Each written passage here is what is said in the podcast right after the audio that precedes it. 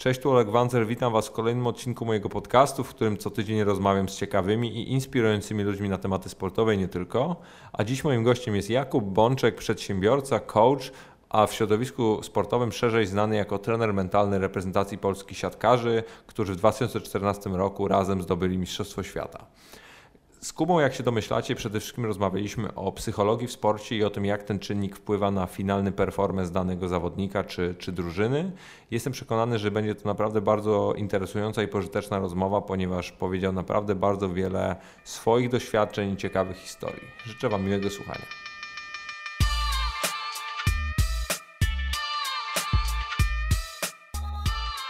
Jakub, ja się bardzo cieszę, że, że do mnie dotarłeś, bo wiem dobrze, że, że bardzo dużo podróżujesz, latasz po świecie i akurat tak. teraz świeżo co wróciłeś z Japonii, za chwilę lecisz znowu gdzieś, więc, więc bardzo się cieszę, że udało Ci się wysupać tę przysłowiową godzinkę, żeby, żeby tak. tutaj wpaść do Warszawy. Bardzo to doceniam i e, wychodzę z założenia, że skoro wiesz, Ty lubisz mówić i umiesz mówić, ja lubię słuchać, mam nadzieję, że umiem słuchać, to to, to wydaje mi się, że, że, że, uda się nam jakoś tam dobrze, dobrze połączyć. Z przyjemnością. E, to o, czym, to, o czym chcę porozmawiać, no to nie będzie dla Ciebie prawdopodobnie żadna, e, żadna niespodzianka, czyli będzie to ogólne zjawisko psychologii w sporcie i tego, mhm. jak ta siła mentalna i przygotowanie mentalne jest ważne dla, no, dla sportowców, szczególnie w dzisiejszym świecie, gdzie jesteśmy no, przebodźcowani różnego rodzaju rzeczami. Mm. E, no, będziemy trochę rozmawiać o Twojej przygodzie i pracy z reprezentacją siatkarzy, no ale to jest, to jest raczej dla mnie oczywiste i e, i o Twoich planach na przyszłość, o tym też bym chciał porozmawiać, Super. no bo wiem, że sporo się, sporo się u Ciebie dzieje. Ale zanim, e, zanim pójdziemy już do tych wątków, o których wspomniałem, chciałbym, byś najpierw zdefiniował troszeczkę swoją osobę, mhm. bo w Polsce wciąż mamy problemy troszeczkę z rozróżnieniem coacha od tak. psychologa, od psychiatry i od trenera mentalnego. Więc jakbyś mógł powiedzieć, kim ty jesteś? Tak, jest, jest jakby sporo mitów wokół tej, tej dziedziny pracy pomocowej, bo myślę sobie, że wiele osób, które kompletnie nie robią coachingu, są nazywane coachami Wiele osób, które nie mają wykształcenia psychologicznego, zajmują się psychoterapią, i te konflikty y, często powodują, że każdy z nas jest oceniany troszkę pod kątem tego, jak zachowują się czarne owce na tym rynku. Ja zajmuję się treningiem mentalnym, który nie jest ani coachingiem, ani psychoterapią, ani też nie jest psychologią sportu. I staram się w tym swoim obszarze budować bardzo etyczną, bardzo świadomą, rzeczywistość, w której to pomagam sportowcom wyzwolić ich potencjał. To jest taka najprostsza definicja tego treningu mentalnego. Oczywiście ja czasami korzystam z metody coachingu, czyli zadaję pytania swoim klientom. Czasami korzystam z metod psychologicznych i to e, bardzo szeroko, poczynając od gestalt, a kończąc na behawioryzmie. Natomiast generalnie mi chodzi o to, żeby skupiać się na przyszłości, i to jest pierwsza z różnic. Nie sięgam do przeszłości, albo przynajmniej robię to bardzo rzadko.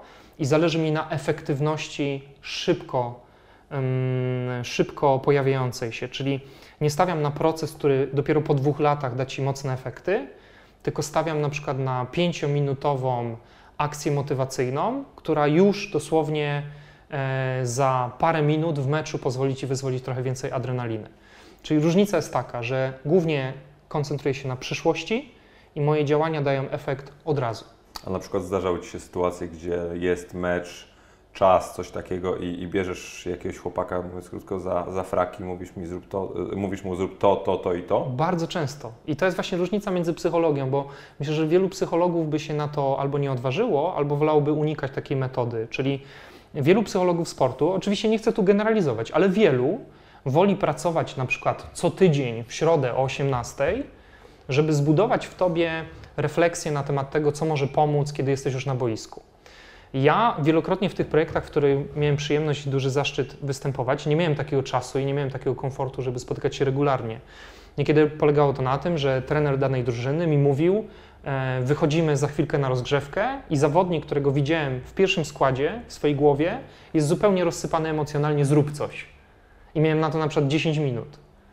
E, I oczywiście jest to zawsze trudne, żeby wczuć się dokładnie w emocje tego człowieka, ale bywa to bardzo efektywne, bo jeśli się w odpowiednią minutę zagra, to ten człowiek naprawdę wymienia sposób patrzenia na ten mecz. A jak, a jak dobrze musisz znać takiego człowieka, by się w niego wgryźć? Ile myślisz, że musisz najpierw pracować z taką osobą, żeby wiedzieć, że to, to mu gra, to nie gra, tak, tak robić, tak, a tak, tak, nie robić? To, to bardzo pomaga to bardzo pomaga. Im dłużej spędzam czasu z danym zawodnikiem czy zawodniczką, tym większa jest szansa na to, że będę mógł wczuć się empatycznie w osobowość tej osoby. Natomiast no, w treningu mentalnym bardzo ważna jest empatia e, i bardzo ważna jest umiejętność obserwacji. Nie tylko tego, co się dzieje werbalnie, czyli tego, co mi mówi zawodnik, bo tam najczęściej nie kryje się zbyt wiele dla mnie, ale też tego, co się dzieje poza werbalnymi komunikatami, czyli chodzi mi tu na przykład o intonację głosu, chodzi mi o mimikę, o gestykulację. Tu też nie można się zapędzić w kozi róg i widząc zawodnika, który zakłada rękę na rękę, ramię na ramię, od razu powiedzieć, on jest zamknięty, bo nie musi tak być. Może jest mu po prostu zimno, albo lubi w takiej pozycji siedzieć. Albo nie musi tak być. biodra i- Albo dokładnie, albo ma skoliozę i gdzieś tam próbuje się podtrzymać. Natomiast jeśli on zakłada ramię na ramię, plus e, na przykład porusza intensywnie nogą, plus ma zbliżone do siebie brwi, plus jego intonacja głosu jest cichsza niż na co dzień, to już ten szereg sygnałów może mi dać jakiś obraz. I, i empatia w tym zawodzie, umiejętność obserwacji zwiększają prawdopodobieństwo na to, że ja się do tego człowieka dostroję. Ono nie jest stuprocentowe, to prawdopodobieństwo, no nigdy nie jest prawdopodobieństwo stuprocentowe, czyli to nie jest tak, że ja na pewno będę wiedział, co ty czujesz, ale zwiększa się moje prawdopodobieństwo, że wyczuję, która emocja dzisiaj jest dla ciebie najważniejsza przed tym meczem. No ty zawsze mówisz, że jesteś humanistą, ale ja tak wyczuwam w tym, że sporo matematyki też. Jest w tym dość dużo matematyki, szczególnie jeśli oprzemy to, co ja robię na teorii Daniela Kahnemana, za którą w 2002 roku dostał Nagrodę Nobla, teorii perspektywy. Napisał świetną książkę. Doskonała książka Pułapki Myślenia, wszystkim polecam, także swoim sportowcom, chociaż niestety wiele ludzi, którzy no, nie mają na co dzień do czynienia z psychologią, uznają tę książkę za zbyt trudną albo nudną wręcz, bo faktycznie nie czyta się tego zbyt łatwo, jeśli się pewnych pojęć nie, nie zna i nie porusza y, wśród nich na co dzień. Ja do niej wracałem trzykrotnie. Tak, ona właśnie jest taką książką, która wydaje mi się, że za każdym razem będzie miała coś nowego dla, dla ciebie, dla mnie, dla, dla czytelnika. I, I tam jest trochę takiej matematyki, że mm, Kahneman nawet y, taką śmiałą hipotezę stawia, że w 95% to, co robimy, to są automaty i nawyki. Więc jeśli ja potrafię domyślić się, co będzie automatyzmem danego zawodnika, na przykład na widok przeciwnika po drugiej stronie boiska czy siatki, to mniej więcej mogę spodziewać się, jaką reakcję ten czynnik uruchomi. Czyli dajmy na to w siatkówce Brazylijczycy albo w piłce nożnej Niemcy, ich widok może u ciebie wywołać jakąś konkretną reakcję emocjonalną, a nawet hormonalną. I teraz, jeśli ja potrafię to przewidzieć, zgodnie z teorią Kahnemana, mogę zastosować e, działanie, które przerwie ten łańcuch nawykowy i w pewnym momencie ty się ockniesz i zamiast zachować się nawykowo, tak jak to robiłeś zawsze, poczujesz nagle pewność siebie, która dotychczas była dla ciebie nietypowa. Na tym też się skupia trening A, mentalny. a, a ty jesteś wykształconym psychologiem? Nie, ja nie jestem psychologiem. Ja skończyłem wychowanie fizyczne i pedagogikę. I w trakcie swojej kariery, w trakcie tego, co robiłem w biznesie, jakby dostrzegłem w sobie nieudokumentowany żadnym certyfikatem talent do słuchania ludzi i do pomagania im w wyzwoleniu potencjału. I tak na dobrą sprawę to, że ja się zacząłem zajmować treningiem mentalnym, to była taka, no, nazwijmy to, oddolna inicjatywa. Jakby to nie był pomysł mój, tylko to był pomysł ludzi, którzy coraz częściej się do mnie zgłaszali i chcieli się mnie coś zapytać, doradzić, dla których stałem się w pewnym momencie mm, takim naturalnym mentorem.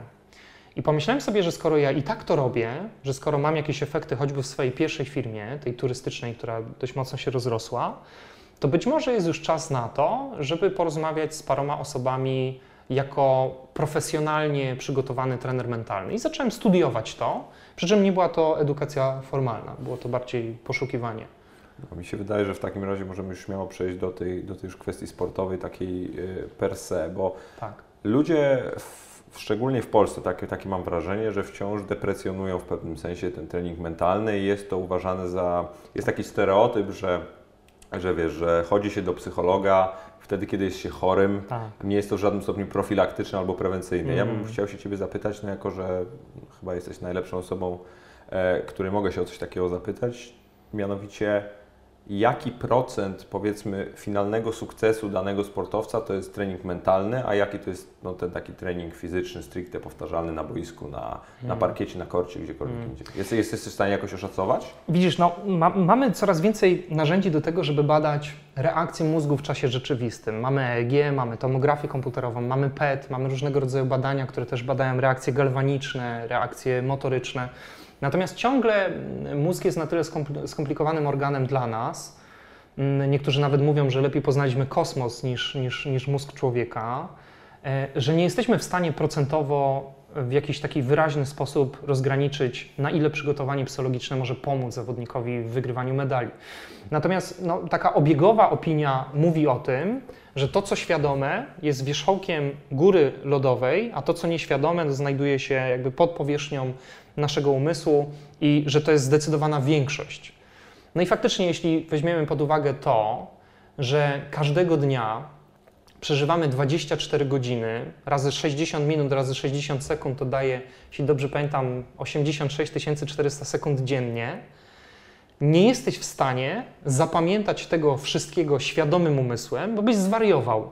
Kiedy wspominasz swoje wakacje dwutygodniowe sprzed roku, to prawdopodobnie potrafisz mi je opowiedzieć w półtorej godziny i nic więcej już nie pamiętasz z tego dwutygodniowego okresu. A tam były przecież setki, a właściwie tysiące sekund w trakcie tych wakacji. Co to oznacza? Oznacza to, że w Twoim świadomym umyśle z Twojego życia zostaje tylko niewielki procent tego, co przeżyłeś. Dajmy na to 5%. A to wszystko, co naprawdę przeżyłeś, ale do czego nie masz dostępu świadomie, jest w Twojej podświadomości, poniżej tej tafli lodu, tej góry lodowej. I teraz moja praca polega na tym, żeby docierać do tego, co jest poniżej profilu Twojej świadomości. Mm, I znajdą się i tacy trenerzy, a nawet i tacy psychologowie, którzy powiedzą, że niekiedy jest to 90% sukcesu sportowego. Żeś mnie zaskoczył. To jest bardzo odważna liczba, ale nie mamy na tyle specyficznych narzędzi i nie jesteśmy w stanie otworzyć Twojego mózgu, żeby go widzieć w czasie rzeczywistym podczas meczu dokładnie, jakie tam synapsy i neurotransmitery działają ze sobą między neuronami, więc trudno nam będzie tą liczbę podać, e, wiesz, perfekt, tak dokładnie, nie? Ale tak jak mówię, no są i tacy, którzy mówią, że to jest przy podobnym przygotowaniu technicznym, taktycznym i fizycznym psychologia jest na wagę złota. A myślisz, że od jakiego wieku powinieneś wprowadzać taki trening mentalny? Właściwie od początku, bo teraz akurat mam przyjemność pracować z młodymi golfistami i, i tam najmłodsze dzieciaki, które, które już grają w golfa, to są dziewięciolatkowie. I okazuje się, że bardzo szybko, bardzo łatwo i z dużą przyjemnością łapią oni na przykład metodę wizualizacji. I przyznam szczerze, że nawet jestem sam zaskoczony, bo myślałem, że dzieciaki będą się nudzić wizualizacją, a tymczasem bardzo ta wizualizacja szybko mm, ma oddźwięk w tym, jak oni się potem zachowują na polu golfowym. Więc wydaje mi się, że osoba, która czuje powołanie do tego, żeby pracować też z dziećmi, powinna to robić jakby od, od samego początku drogi sportowej. No dobrze, ale to skupmy się teraz troszeczkę na takiej, no, na tym najbardziej powiedzmy fundamentalnym pytaniu, jeżeli chodzi o, o trening mentalny, ja mam takie wrażenie, czyli co tak naprawdę sportowiec musi wykonać, sportowiec, drużyna, organizacja, tak, by osiągnąć pełnię swojego potencjału i by zmaksymalizować efekt. No bo Super. wiesz dobrze sam, że na koniec dnia zatrudniany, za, zatrudniamy trenerów mentalnych po to, żeby poprawić swoją szansę na, na zwycięstwo. Oczywiście. Skupiłbym się na czterech elementach. Pierwszy z nich to pewność siebie. Wiemy z wszelkiego rodzaju badań, a szczególnie polecam tu badania profesor Amy Cuddy z Harvardu, że kiedy jesteś pewny siebie, kiedy Twoje ciało eksponuje pewność siebie i kiedy Twoja gospodarka hormonalna przepełniona jest testosteronem, dopaminą i serotoniną, to jest dużo większa szansa, że wejdziesz w stan flow. Stan flow to taka sytuacja w życiu sportowca, kiedy właściwie on nie słyszy żadnych dźwięków z boku, nie wie jaki czas mija i która jest godzina. On jest tak zapatrzony w grę, w to zadanie, które ma do wykonania, że wręcz można powiedzieć, że ma obsesję przebywania w tym miejscu. Natomiast bardzo trudno jest wejść do stanu flow, kiedy Twoja pewność siebie jest na niskim poziomie. Czyli jeśli Ty w szatni boisz się wyjścia na murawę, bo już sobie od razu mówisz, że nie dasz rady, że zgubisz jakieś podanie, że gdzieś tam ktoś będzie szybszy od Ciebie, jest duża pewność siebie, że ten Twój stan flow w ogóle się nie pojawi podczas tego meczu i Ty po prostu będziesz walczył sam ze sobą, zamiast walczyć z przeciwnikiem swojej obsesji wygrywania. Więc podniesienie pewności siebie to jest coś, za co płaci się trenerom mentalnym i to jest ich zadanie. Wydaje mi się, że jedna z podstawowych rzeczy, którą trener mentalny może dla Ciebie zrobić, to to, żeby pomóc Ci tą pewność siebie ugruntować. Nie jako stan, ale jako cechę. A myślisz, że można na przykład y, współpracować z trenerem mentalnym nie na takich powiedzmy jakichś stałych warunkach, czyli że, no, mówię oczywiście abstrakcyjnie, ale jest sobie powiedzmy Agnieszka Radwańska, mhm. która gra w, no, topowych turniejach i przychodzi na przykład Wimbledon i mówi słuchaj, mam taką historię, na tym Wimbledonie zachodzę wysoko, ale na przykład padam w półfinale, w finale Mhm. mentalnie i potrzebuje pomocy, wyobraź sobie na przykład tego typu współpracę? Albo nie wiem, a, Ja nawet bardzo Mhm. podobną sytuację miałem. Zresztą bodajże dwa lata temu leciałem do Wimbledonu na, e, na, na, na jedną z sesji. I tam e, bardzo podobny przykład. No, Trochę jesteś chyba e, też e, utalentowany, jeśli chodzi o wróżbiarstwo, bo bardzo podobny przykład miałem do tego, co ty mówisz, gdzie zakotwiczyła się, ale tym razem nie sam turniej, tylko jedna zawodniczka. Może nie będę wymieniał nazwiska, ale u mojej klientki zakotwiczyła się jedna zawodniczka i ona miała taki pogląd, że ta konkretna zawodniczka jest nie do pokonania. Nazywamy to kotwicą mentalną. Czyli jeśli ty gorąco w to będziesz wierzyć, to psychologia inaczej nazywa to mechanizmem samosprawdzającej się przepowiedni. Jesteś przekonany, jeśli jesteś przekonany, że z Niemcami się nie da wygrać, jest duża szansa, że się będziesz tak zachowywał, żeby to proroctwo się spełniło. I teraz moja praca polegała na tym, żeby u tej zawodniczki zmiękczyć trochę obraz tej superwoman, która jest po drugiej stronie siatki, a u siebie powiększyć jakby wyobrażenie swojego potencjału i swoich możliwości. Czyli mówiąc bardzo prosto, podnieść pewność siebie w stosunku do przeciwniczki. a jak sobie, a jak pozbywasz się takiej, takiej kotwicy? Nie wiem, pokazujesz jej jakieś śmieszne, karykaturalne rysunki, czy każesz jej wyobrazić sobie przeciwniczkę nago, bo ja znam różnego rodzaju tego Tak, typu... to literatura opisuje ten, ten Tak. case. Ja, ja z niego dość rzadko korzystam, bo on jest taki no, na tyle trywialny, że często ludzie zamiast dobrze na to reagować, to reagują śmiechem i, i taką ironią, że, że takie, takie rzeczy pewnie nie działają. Aczkolwiek faktycznie literatura mówi o tym, że jeśli boisz się publiczności, wyobraź sobie ją na golasa i będzie ci się lepiej przemawiało. Nie stosuję tego typu metod, chociaż, chociaż są one znane w psychologii. Natomiast ja mówię często coś takiego. Jeżeli twoja przeciwniczka po drugiej stronie ma coś, czego ty się boisz, to co to jest? I dajmy na to, że moja zawodniczka mówi, ma zawsze wyprostowane ramiona, głowę do góry, wchodzi na kort tak, jakby po prostu ten kort należał do niej, jakby chciała pożreć przeciwniczkę. Ja wtedy mówię, to umówmy się, że teraz ty zrobisz tak samo. Ale, ale wtedy, no co, ona po prostu myślisz... Nie, ja się po prostu zastanawiam, czy, czy naprawdę tak jedna mała rzecz jest w stanie odwrócić no, kompletnie mentalność danej zawodniczki? Bo ja, ja, ja rozumiem, o czym mówisz, nie? Bo Mm. ja wiem na przykład, jak e, i, i czytałem x historii, kiedy potencjalnie na przykład koszykarze, którzy mieli grać przeciwko Kobiemu Bryantowi, starali się robić różnego rodzaju właśnie tego typu zabiegi, starali się mówić do ucha, starali się mu patrzeć jego głębiej w oczy, bo to jest coś, co on zawsze robił. W pewnym sensie, no, e, od, takim być takim jego od, odbiciem Tak. e, jego zachowań. Z tym, że potem i tak on ich niszczył. Oczywiście, bo to wiesz, ciągle jednak jest praca psychologiczna, a nie nauki ścisłe czy matematyka. Nie? Tutaj my mamy duże prawdopodobieństwo, że 1 plus 1 będzie 2, ale akurat w treningu mentalnym to nie jest nigdy pewność. I pewnie jedna metoda, twój jakby taki zachowawczy, czy, czy nawet nazwijmy to, twój sceptycyzm jest tutaj bardzo e, rozsądny. Jedna metoda, ja ale nazwał. natomiast nawet jeśli by to był sceptycyzm, to on jest bardzo rozsądny i uprawniony, bo musimy urealnić też ten trening mentalny. Trening mentalny nie jest magią. To nie jest tak, że jedna metoda dwuminutowa sprawia, że nagle Agnieszka Radwańska wygra wszystko do końca swojego życia. Tak nie jest. Ale możemy na pewno z dużym prawdopodobieństwem podnieść szansę na to, że ona tą przeciwniczkę odkotwiczy. No tak, ale z, z drugiej strony wcale to nie musi wpływać też na, na wynik sportowy później. Może to w pewnym sensie jakoś ją tam Jasne, ukierunkować, ale jasne. musi to... Wiesz, to jest tak, że ja akurat mam przyjemność pracować z takimi topowymi sportowcami i tutaj widzimy często, że dwie przeciwległe drużyny, które naprawdę są na topie, na przykład jeśli chodzi o siatkówkę, mamy Brazylię numer jeden, Amerykanów numer dwa i Polskę numer trzy na świecie. To uwaga, oni bardzo podobnie trenują. Mają podobne obciążenia na siłowni. Mają ten sam program, którym robią statystyki. A nawet jedzą to samo, bo jesteśmy w jednym hotelu na jednym turnieju, jemy dokładnie to samo. Więc teraz zobacz, żeby wygrać z Brazylią albo ze Stanami Zjednoczonymi, to naprawdę są niuanse. Musimy szukać na peryferiach. Nie w tym, co zmienić w treningu, bo to jest taki sam trening. Nie w tym, jak się ubrać, bo mamy te same technologie, jeśli chodzi o nasze koszulki, buty e, i spodenki. Musimy poszukać na peryferiach czegoś, na co Brazylijczycy czy Amerykanie nie wpadli.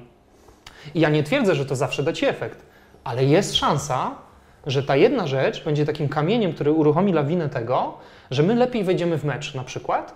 Jak już wejdziemy lepiej w mecz, to nasze szanse na to, że zdobędziemy złoto nad Brazylią wzrastają. Bo zobacz, bo mówisz o Brazylii i to jest według mnie bardzo dobry przykład, bo jest Brazylia w siatkówce, są Niemcy w piłce nożnej, jest Serena Williams w tenisie, Otóż to. jest, e, no nie wiem, no jest x takich osób, które e, które potencjalnie, na przykład był kiedyś taki, był, był Michael Schumacher w Formule 1, Oczywiście. było bardzo wielu tego typu sportowców, czy właśnie takich kotwic i, i powiedz mi, myślisz, że skąd się wzięło nagle takie zjawisko, że w dość krótkim czasie, mam na myśli Mhm. historycznie, bo no, w 2014 roku nagle masz sytuację, że siatkarze pokonują dwukrotnie Brazylijczyków, Mhm. Niecałe dwa lata później masz historię, że Polacy pokonują Niemców. Tak. Później z nimi remisując jeszcze na, na euro. Mhm. E, nagle, no i nagle masz też sytuację, że, że właśnie na przykład Agnieszka Radwańska zaczyna rywalizować z tą Williams. Miałeś Mhm. wcześniej sytuację, że Kubica się ścigał z Schumacherem. Mam na to swoją teorię. Właśnie, bardzo jestem ciekawy. Ona jest odważna, ale zaryzykuję tutaj e, i, Pięknie, masz i, i ją pełną opowiem. platformę, żeby tutaj wyrażać swoje odważne... Moja teoria jest Teoria. taka, że w sporcie wymienia się pokolenie. Z pokolenia, które dorastało w komunizmie, tych piłkarzy sprzed 5-10 lat i tych siatkarzy sprzed 5-10 lat, pojawiają się tak zwane Y. Pokolenie Y, czyli socjologowie powiedzą, że to osoby urodzone mniej więcej między 1985 a 2000 rokiem życia. Jeśli już jest 2000, masz dwójkę z przodu, to już się mówi o tobie millennials. Natomiast te Y, które pojawiły się w sporcie i które coraz bardziej nadają rytm polskiemu sportowi, one nie pamiętają już komunizmu. A co pamiętają ludzie, którzy urodzili się w komunizmie? Ja urodziłem się w komunizmie, sporo tego komunizmu pamiętam, chociaż byłem małym dzieckiem, dużo zapamiętałem. No, przede wszystkim tam był taki przekaz od rodziców: nie wychylaj się, bądź taki jak inni i uważaj na siebie. Uważaj. To jest takie słowo, które się często w komunizmie pojawiało w tych domach. Uważaj, uważaj na siebie. I teraz my dorośliśmy i to, czym nasiąkliśmy w tych domach komuny, to właśnie nie jest to, żeby bić Niemca, bić Amerykanina, bić Brazylijczyka, bo my się jeszcze ciągle czujemy od nich gorsi. Ale pokolenie Y już nie.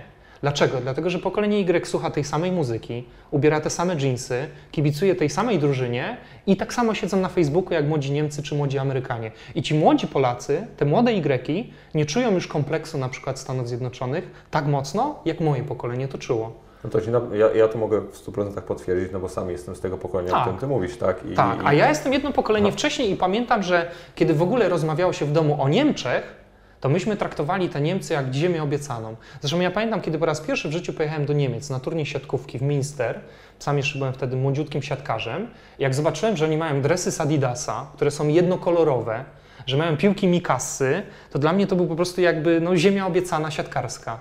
Bo u nas było tak, że każda piłka była inna w BBTS-ie Bielsko-Biała, a dresy mieliśmy na zasadzie tylko, że każdy miał górę i to jeszcze za dużą, bo po prostu tak to, tak to wyglądało. I oczywiście nie były to Adidasy. I my czuliśmy się od tych Niemców gorszych. My ich wtedy sklepaliśmy, może też taką sportową złością, że chcemy im pokazać, że te dresy nie dadzą im zwycięstwa, ale jak patrzyliśmy, jakie są samochody na ulicach, jakie rzeczy są w sklepach, to wróciliśmy do Polski i my, młodzi polscy sportowcy, czuliśmy się gorsi.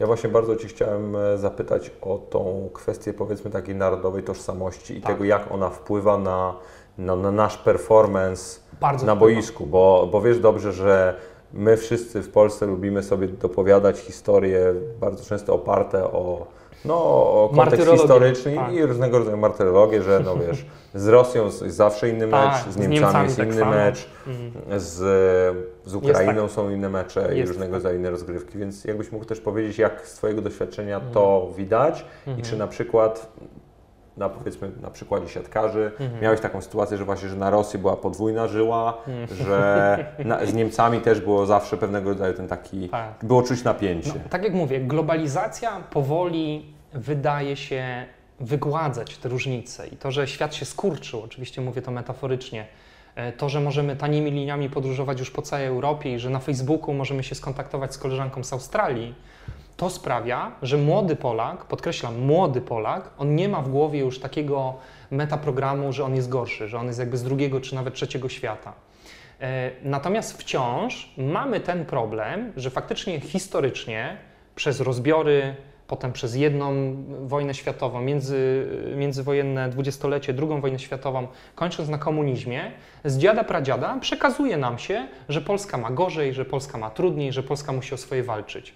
I jeszcze gdzieś tam jakiś element, na pewno, nawet w tych Y, funkcjonuje w umyśle. I wydaje mi się, że są takie narodowości, co do których pojedyncze jednostki mogą mieć kompleksy. Ale wierzę, że już Zety, czyli to pokolenie, powiedzmy, które mają dwójkę z przodu, oni już będą zupełnie tego pozbawieni. Więc moim zdaniem przed polskim sportem Nadchodzi dobry czas, gdzie nie będziemy się już bali tego Niemca w piłce nożnej i Brazylijczyka w siatkówce. A jak ty wtedy adresujesz tego typu kompleksy? Jak no masz właśnie takiego zawodnika, po którym widzisz po prostu, że mając Rosję po drugiej stronie, gość jest no, wyłączony, jest spięty, Mm. jest wkurwiony, jest Mm. jakiś tego typu po prostu tak nastawiony, że, że go nie ma. I to nie Tak. jest stan flow, Mhm. tylko go nie ma. On jest Tak. kompletnie gdzieś indziej i toczy jakąś swoją wojnę wewnętrzną. Miałem taki problem z Dimitrijem Muserskim, siatkarzem rosyjskim, który ma taki- 2 metry 18 cm wzrostu, jeśli dobrze pamiętam, albo 2 metry 16 to, to, to już na pewno, coś między jednym a drugim. E, Mało tego, jest bardzo dobrze zbudowany e, i sprawny. Potrafi rzutem podbić gdzieś tam piłkę na 9 metrze, co, co zdumiewa mm, do dzisiaj wielu trenerów i wielu obserwatorów. I tenże Muserski jest facetem, który nie musi wyskakiwać, żeby podnosząc ręce do góry już ustawić całkiem poprawny blok nad siatką, bo jest po prostu tak wysoki i ma taki zasięg. I paru moich klientów miało takie wrażenie, że skoro Muserski będzie w tej samej linii co oni i oni dostaną piłkę na Muserskiego, to oni się nie przebiją. To jest właśnie matryca mentalna, to jest ta kotwica, że Muserski w tym momencie staje się w pewnym sensie superbohaterem, kimś z nadludzką mocą. I ja często im tłumaczyłem, że ten facet tak samo wali po autach, że ten facet czasami też daje zagrywkę w siatkę i tego faceta czasami zablokujecie. Czyli trzeba w pewnym sensie odczarować i zobaczyć, że po drugiej stronie też są ludzie.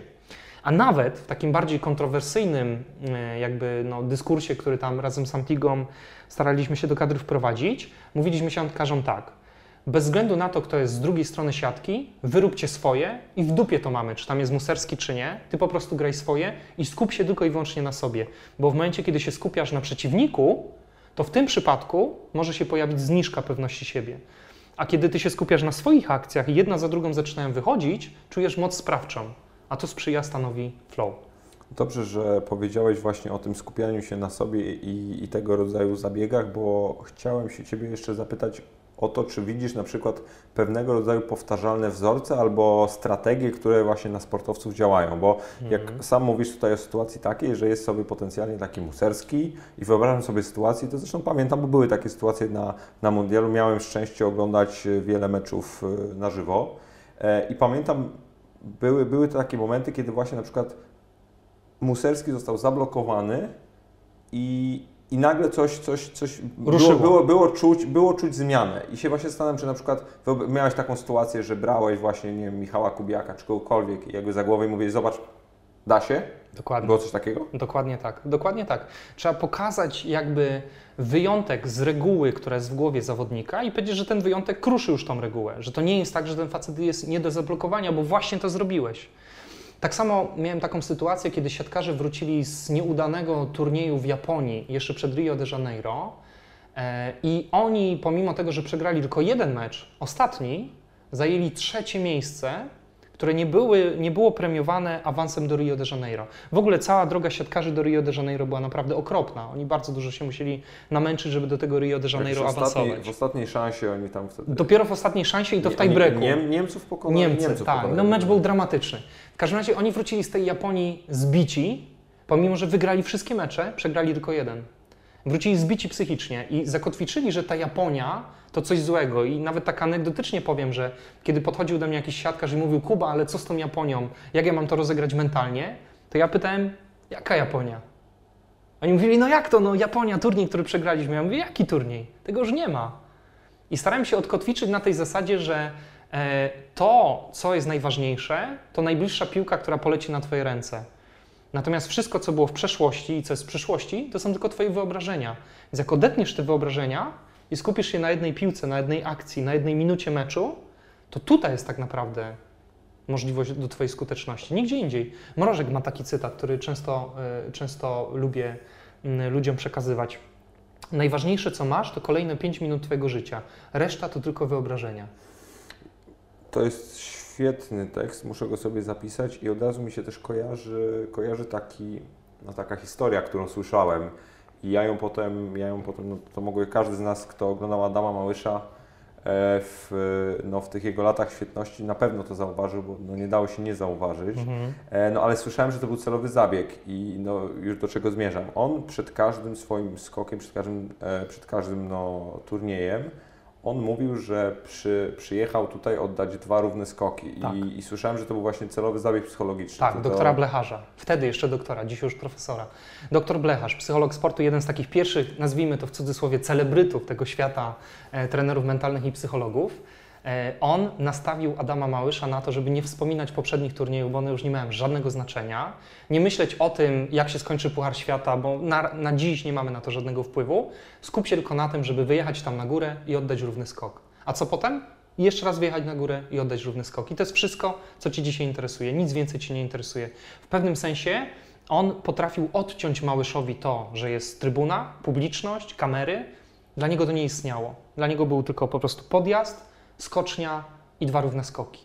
I to skupienie się na tu i teraz sprawia, że dużo łatwiej wejść do stanu flow, bo jakby jesteś zahipnotyzowany tym, co się dzieje tu i teraz. Nie, nie wybiegasz myślami na zewnątrz. A na przykład często stosujesz takie, no, tak pewnego rodzaju zabieg, że no, tłumaczysz zawodnikowi, że właśnie na oddawałeś już no, setki razy ten sto, skok, albo odebrałeś taką piłkę no, Tak. tysiące razy na treningu, albo zaserwowałeś w taki, w taki sposób no, miliony razy, zanim podszedłeś do tego meczu i ty to potrafisz robić i, i przytaczysz tego typu historie? Zdecydowanie, zdecydowanie. Mówię, że no, jest szaleństwem oczekiwać, że nie wyjdzie ci zagrywka z wyskoku, skoro w ciągu ostatnich 10 lat wykonałeś tych zagrywek parę tysięcy i one wchodziły w boisko przeciwnika.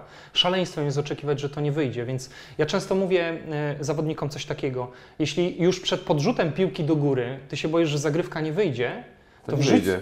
to, no, to, to jest duża szansa, że tak dokładnie będzie. I, I wtedy mówię, wrzuć sobie piłkę trochę głębiej w boisko i przez to będziesz musiał ją jakby ratować, ale przez to, że musisz ją ratować, zmieni się Twój sposób myślenia, bo nie będziesz myślał o tym, że nie wyjdzie, tylko będziesz myślał o tym, że musisz ją dosięgnąć. I się okazuje, że kiedy wymieniamy Ci sposób myślenia, no to tylko jedna myśl może być obecna na ekranie Twojego umysłu, ta druga musi już iść w podświadomość Czyli to jest takie troszkę life hacking. lifehacking i w pewnym sensie no, takie trochę przechytrzenie umysłu. Okej, a, a to się, a to masz, em, no to się bierze z pewnego rodzaju też danych czy badań, które kiedyś wyczytałeś, czy Kahneman. stricte, stricte z doświadczenia? To jest Kahneman. Kahneman opisuje taki bardzo ciekawy case. Spróbuj wybrać się na spacer z kolegą i jak będziecie spacerować po parku, powiedz do kolegi, ile jest 27 razy 78 i zgadnij, co zrobi kolega. Zacznie liczyć. Zatrzyma się. Nie przestanie iść. On przestanie iść. Dlatego, że dla niego poruszanie się to jest tak zwany system pierwszy automatyczny, ale kiedy wrzucasz mu do systemu drugiego zadanie 27 razy 78, okazuje się, że nie da się robić jednego i drugiego jednocześnie. W 99% ten kolega się zatrzyma. Możesz zrobić taki eksperyment nawet dzisiaj z jakimś znajomym.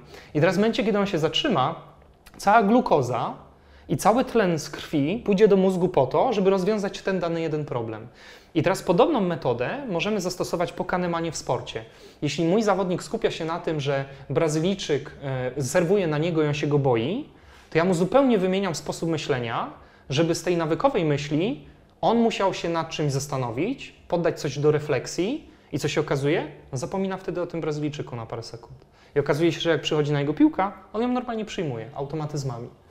A, a, a, widzisz jakąś różnicę w pracy ze sportowcami drużynowymi, a indywidualnymi? Olbrzymią. No bo, bo mimo wszystko, Olbrzymio. bo, bo, bo, są ludzie, którzy Ci powiedzą, no dobra, ale finalnie to i tak tutaj się widzisz jeden na jeden z człowiekiem i on też ma jakąś tam część pracy Tak. swoją indywidualną do wykonania, bardzo podobną jak w sportach indy- indywidualnych. No Tak. może nie mówię tutaj o takich jak pływanie, Mhm. gdzie, no, gdzie mimo wszystko nie masz, jest, jest bardzo konkretny, mechaniczny jakiś tam proces, Mhm. a i nie jest, to, nie jest to rywalizacja z przeciwnikiem, tylko jest to bardziej jakoś rywalizacja ze sobą, tak? Ale Mhm. mówię, nie wiem, siatkówka versus tenis, albo piłka nożna versus ping-pong, badminton, tak. cokolwiek tego typu. I słusznie, niektórzy powiedzą, że tak czy siak jest to praca z pojedynczym człowiekiem. Natomiast przy pracy zespołowej mamy dużo więcej faktorów, które wpływają na obraz Twojej psychiki, bo kiedy jesteś jeden na jeden jesteś odpowiedzialny za swoje zadanie, to faktycznie z reguły ci zawodnicy czują większą moc sprawczą. W drużynie masę faktorów wpływa na to, jaki jest obraz Twojej psychiki. I tutaj ta praca jest, powiedziałbym, bardziej czasochłonna i myślę sobie, że dużo delikatniej trzeba się poruszać po pracy zespołowej, bo to jest niekiedy stąpanie po takim psychologicznym kruchym lodzie. Bo z jednej strony ja mogę próbować wpłynąć jakoś na Twój obraz psychiki, ale z drugiej strony muszę z tyłu głowy pamiętać, czy to jest na rękę trenerowi, czy to się dobrze wpasuje do całości drużyny i czy nie będzie tak, że Twoje nowe nastawienie rozwścieczy albo wkurzy jakiegoś Twojego kolegę z zespołu. Czyli tak na dobrą sprawę, ja bym powiedział, że e, praca z zespołowym sportowcem to jest trochę jak szachy, gdzie każdy ruch może, mieć może, może jakby aplikować następstwa na innej części szachownicy, natomiast praca indywidualna często jest dużo prostsza, dużo szybsza i dużo łatwiej znaleźć jakby przyczynę problemu, Danego, kiedy danego... pracuje się jeden na jeden. Rozumiem. A czyli, czyli mówiąc krótko, pro, jest prościej nastroić e, indywidualnego sportowca? Tak. I też trwa to, jakby efekt jest trochę dłuższy. Bo kiedy na przykład pracowałem z kajakarką, która potem w Rio de Janeiro e, walczyła o medal, to wiedziałem, że to, co ja z nią wykonam, wejdzie razem z nią potem do łódki i popłynie na trasę. Natomiast kiedy pracuję z koszykarką przed uniwersjadą e, w Tajpej, to wiem, że zanim ona wejdzie na boisko, ona w samolocie jeszcze zdąży się z kimś pokłócić, w szatni gdzieś tam z kimś przybije piątkę, a z kimś nie. I ktoś jeszcze będzie zazdrosny o to, że to ona została kapitanką, a nie ktoś inny.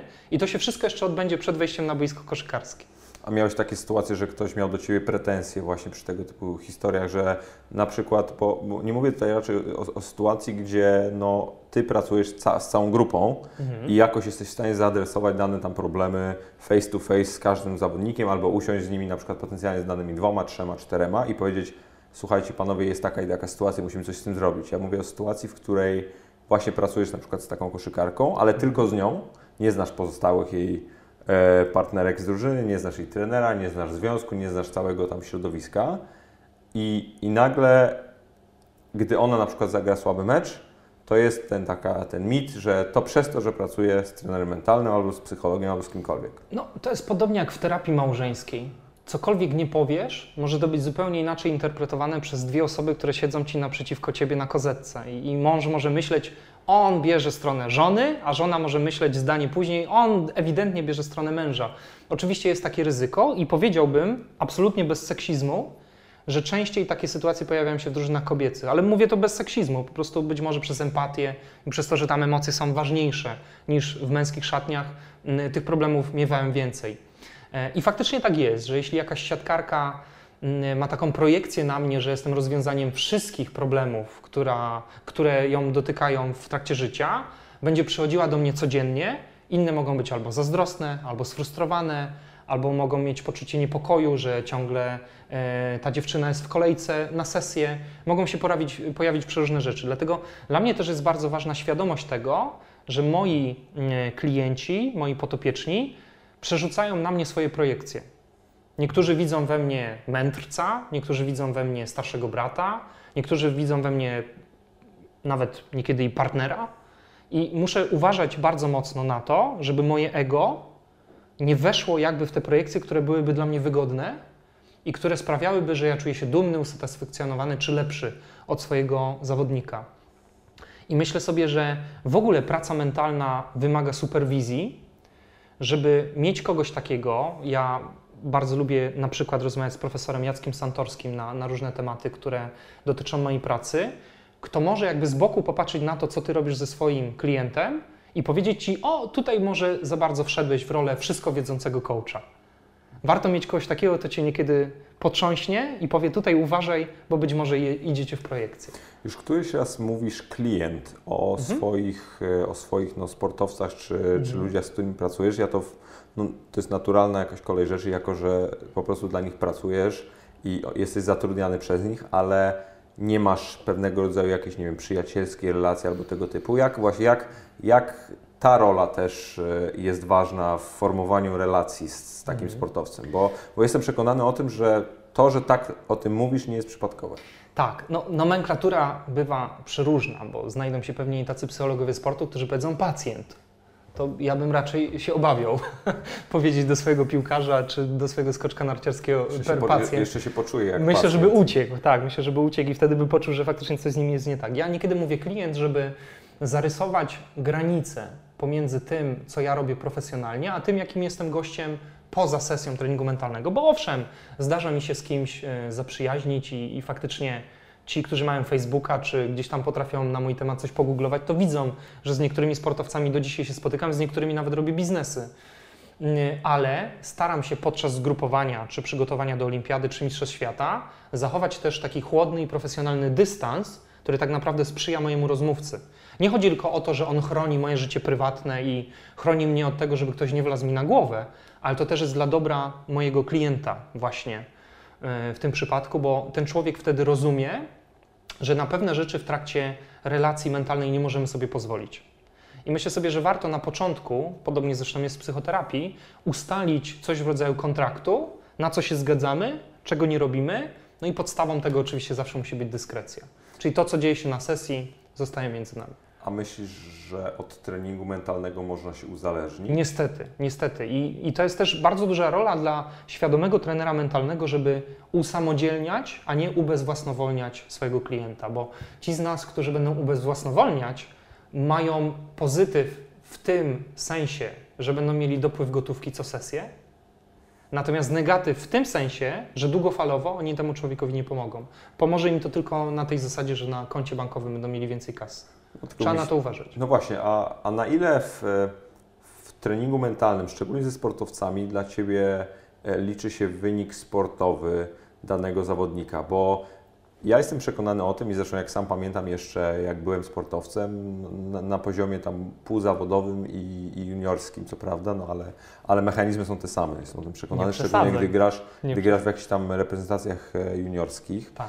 E, No ale jestem przekonany o tym, że ty jako. Zresztą, co ja, co ja mówię? Sam o sobie mówisz, że jestem mistrzem świata Tak. w siatkówkę. I e, właśnie, no to masz nagle sytuację taką, że z jednej strony jest ten aspekt finansowy, no ale w życiu nie podejrzewam ciebie, czy jakiegokolwiek innego trenera mentalnego, psychologa, bądź kogokolwiek, że on nie chce wygrać.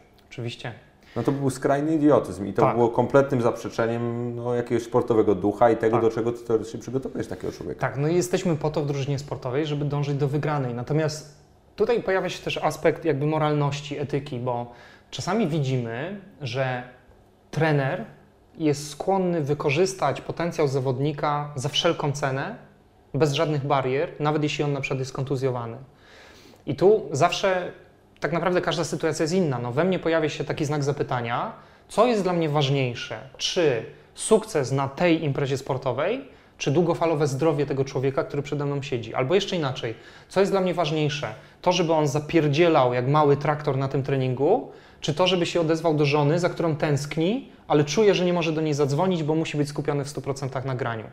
I staram się, nie zawsze to jest łatwe, staram się doprowadzać do work-life balance, czyli z jednej strony walczymy, jesteśmy tu po to, żeby wygrywać, bo inaczej szkoda by było tego wysiłku, tej krwi, tego potu, tych łez, ale z drugiej strony, jak jest tylko moż- możliwość odpoczęcia od Twojej dyscypliny sportowej, to zrób to i zrób to z rodziną. A Czyli na zgrupowaniu walczymy, po zgrupowaniu rodzina. A zdarzyło Ci się być kiedyś w takim jawnym, otwartym konflikcie z trenerem, z działaczem, z żoną, mężem, z kimkolwiek? Tak, tak. No nie podam tu ze Nie, nie, zrozumiałych no, względów nazwisk, oczywiście, ale tak. tak. Z jednym z polskich związków y, sportowych, gdzie powiem to z, trochę ryzykując, często, nie zawsze, ale często są osoby, które na te współczesne metody patrzą bardzo podejrzliwie, bo wychowani są jakby w innej szkole. Bywa, że zawodnicy stają się po prostu narzędziem do osiągania celów danej federacji. I kiedy ja trafiam do sytuacji, gdzie ten człowiek jest w pewnym sensie zdehumanizowany, jest tylko nośnikiem reklamowym i ma wykonać odpowiednią ilość działania i punktów, żeby ktoś zarobił albo ktoś miał konkretny kontrakt y, sponsorski na przyszły rok, to niekiedy borykam się z tym problemem, że jestem między młotem a kowadłem. Bo tutaj mam ludzi, którzy na przykład cierpią z jakiegoś powodu, a po drugiej stronie mam ludzi, którzy mówią chuj z tym, oni mają wstać, trenować 8 godzin dziennie, grać i wygrywać. I w dupie to mamy, że jego coś tam boli albo że on tęskni za rodziną. No i dla mnie jest to zawsze problem, bo jedną stronę muszę potraktować trochę lepiej. I jeśli traktuję lepiej sportowców, to niekiedy działacze mają do mnie pretensje. Jeśli traktuję lepiej działaczy, to sportowcy przestają mi ufać. Więc tak, to jest tak naprawdę mój chleb powszedni, żeby być między młotem a kowadłem. To nie, nie zazdroszczę na pewno, bo sam wiem, jak to bywa ciężkie czasami, gdy nie da się zaadresować wszystkich hmm. wszystkich, no, wszystkich jakichś postulatów czy, czy sytuacji. Nie da się. W dużej grupie jest to, jest to praktycznie nierealne, żeby wszyscy byli zadowoleni. I dobrze, że poruszyłeś kwestię dużej grupy, bo teraz ja mam takie wrażenie w erze nowych mediów, że ta grupa zrobiła się jeszcze większa, bo nagle, bo, bo kiedyś było tak, że miałeś, wiesz, mhm. miałeś kibiców na boisku, czy, czy przed telewizorami takich, z którymi miałeś jakiś tam kontakt. Kontakt. Mhm. Mia i, i, to było namacalne. To, to czułeś mhm. i widziałeś, ilu ich było. Jak miałeś wypełnioną halę, to wiedziałeś, że w pewnym sensie ciebie, ciebie tam faworyzują, albo jak na ciebie gwiżdżą, to wiedziałeś, że, że no, popełniłeś jakiś błąd albo dałeś dupy, tak? Mhm. E, miałeś działaczy, przedstawicieli związków, trenerów, rodziny. Konkretnych ludzi. No i miałeś swoich kolegów z zespołu, czy byłeś samemu tak. i miałeś swój jakiś tam swój umysł. No dzisiaj masz armię ludzi, którzy bardzo często nie mają o tobie pojęcia, widzieli twój jeden mecz albo widzieli ułamek tego, co ty robiłeś przez ostatni jakiś tam czas, a i tak się wypowiadają. I jak ty z tym pracujesz? No bo jestem przekonany, no ile na przykład jest, jest szereg zawodników, którzy, no powiedzmy LeBron James, on wyłącza media społecznościowe i telefon a. na czas playoffów w NBA. I ja też to proponuję, bo widzisz, Polska jest takim krajem, gdzie każdy taksówkarz jest przekonany, że wie o piłce nożnej więcej niż pan Nawałka. E, I myślę sobie, że e, cała frustracja e, ludzi, którzy nie mają na co dzień do czynienia ze sportem zawodowym, wylewa się potem w komentarzach pod sportowymi faktami, czy pod onetem, czy, czy gdzie tam mm, o sporcie możemy sobie poczytać. Ja robię dokładnie to samo. Wielu swoim sportowcom mówię coś takiego: wyłącz na okres startowy Facebooka, Instagram i nie czytaj komentarzy na swój temat, bo może to uskrzydlać, ale jest bardzo duża szansa w naszym kraju konkretnie i szczególnie, że będzie ci to te skrzydła podcinało. No ja nie przypominam sobie sytuacji takiej udokumentowanej, gdzie ktoś jawnie powiedział, Instagram sprawił, że zagrałem lepszy mecz. Nie. Albo A na odwrót bywa, że tak no, jest. To jest. To jest szereg sytuacji. Tak. A, a powiedz mi, jak ty sobie radzisz z, albo jak pracujesz i jak ta praca się różni też, bo no, musi się w jakimś stopniu różnić, z zawodnikami kontuzjowanymi albo wracającym po jakiejś, wracającymi po jakiejś dłuższej tak. przerwie. Jak to wygląda? Pisałem taki tekst do magazynu Handball, kiedy Karol Bielecki stracił oko w meczu piłki ręcznej. Pewnie pamiętasz tą sytuację. Tak, Myślę, że to było parę lat temu, ze 3-4 lata, coś, coś jak, nie, jak nie lepiej. Jak nie lepiej. E, I wtedy właśnie pamiętam, że pan Skorupski, redaktor naczelny tego czasopisma, który nadal działa w Związku Piłki Ręcznej w Polsce, poprosił mnie o taki tekst, jak pracować z pracownikiem po kontuzji. Przede wszystkim trzeba odkotwiczyć lęk, czyli trzeba doprowadzić do sytuacji, gdzie sport, który dotychczas był Twoją pasją, miłością i też pracą, zaczyna się kojarzyć w głowie z bólem, którego tak naprawdę jeszcze nie ma, to jest tylko mentalna projekcja, że to będzie dotyczyło bólu. Albo na przykład, jeśli masz kontuzję pleców i jesteś piłkarzem, jest bardzo duże prawdopodobieństwo, że nawet kiedy Twoje plecy fizjologicznie będą już zdrowe, Ty będziesz unikał wychylania się do tyłu, czy w siatkówce wyskoku do pełnego ataku, będziesz się bał, że te plecy Ci strzelą. I moja praca jakby na pierwszym etapie polega na tym, żeby odkotwiczyć to, co, to, to, co jest prawdą, a to, co jest Twoją iluzją, Twoją projekcją.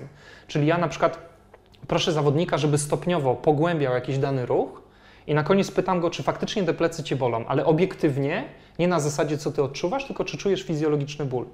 I kiedy stopniowo udaje nam się ten ból odkotwiczyć, no to kolejna sprawa jest już do tego, żeby ten człowiek wrócił do pełni potencjału, który był przed kontuzją. Ale często jest to proces dość długotrwały i bardzo też delikatny, bo tutaj musimy pamiętać, że mamy do czynienia z cierpieniem ludzkim. I, I, w tym przypadku to nie jest tylko sportowiec, to jest przede wszystkim człowiek.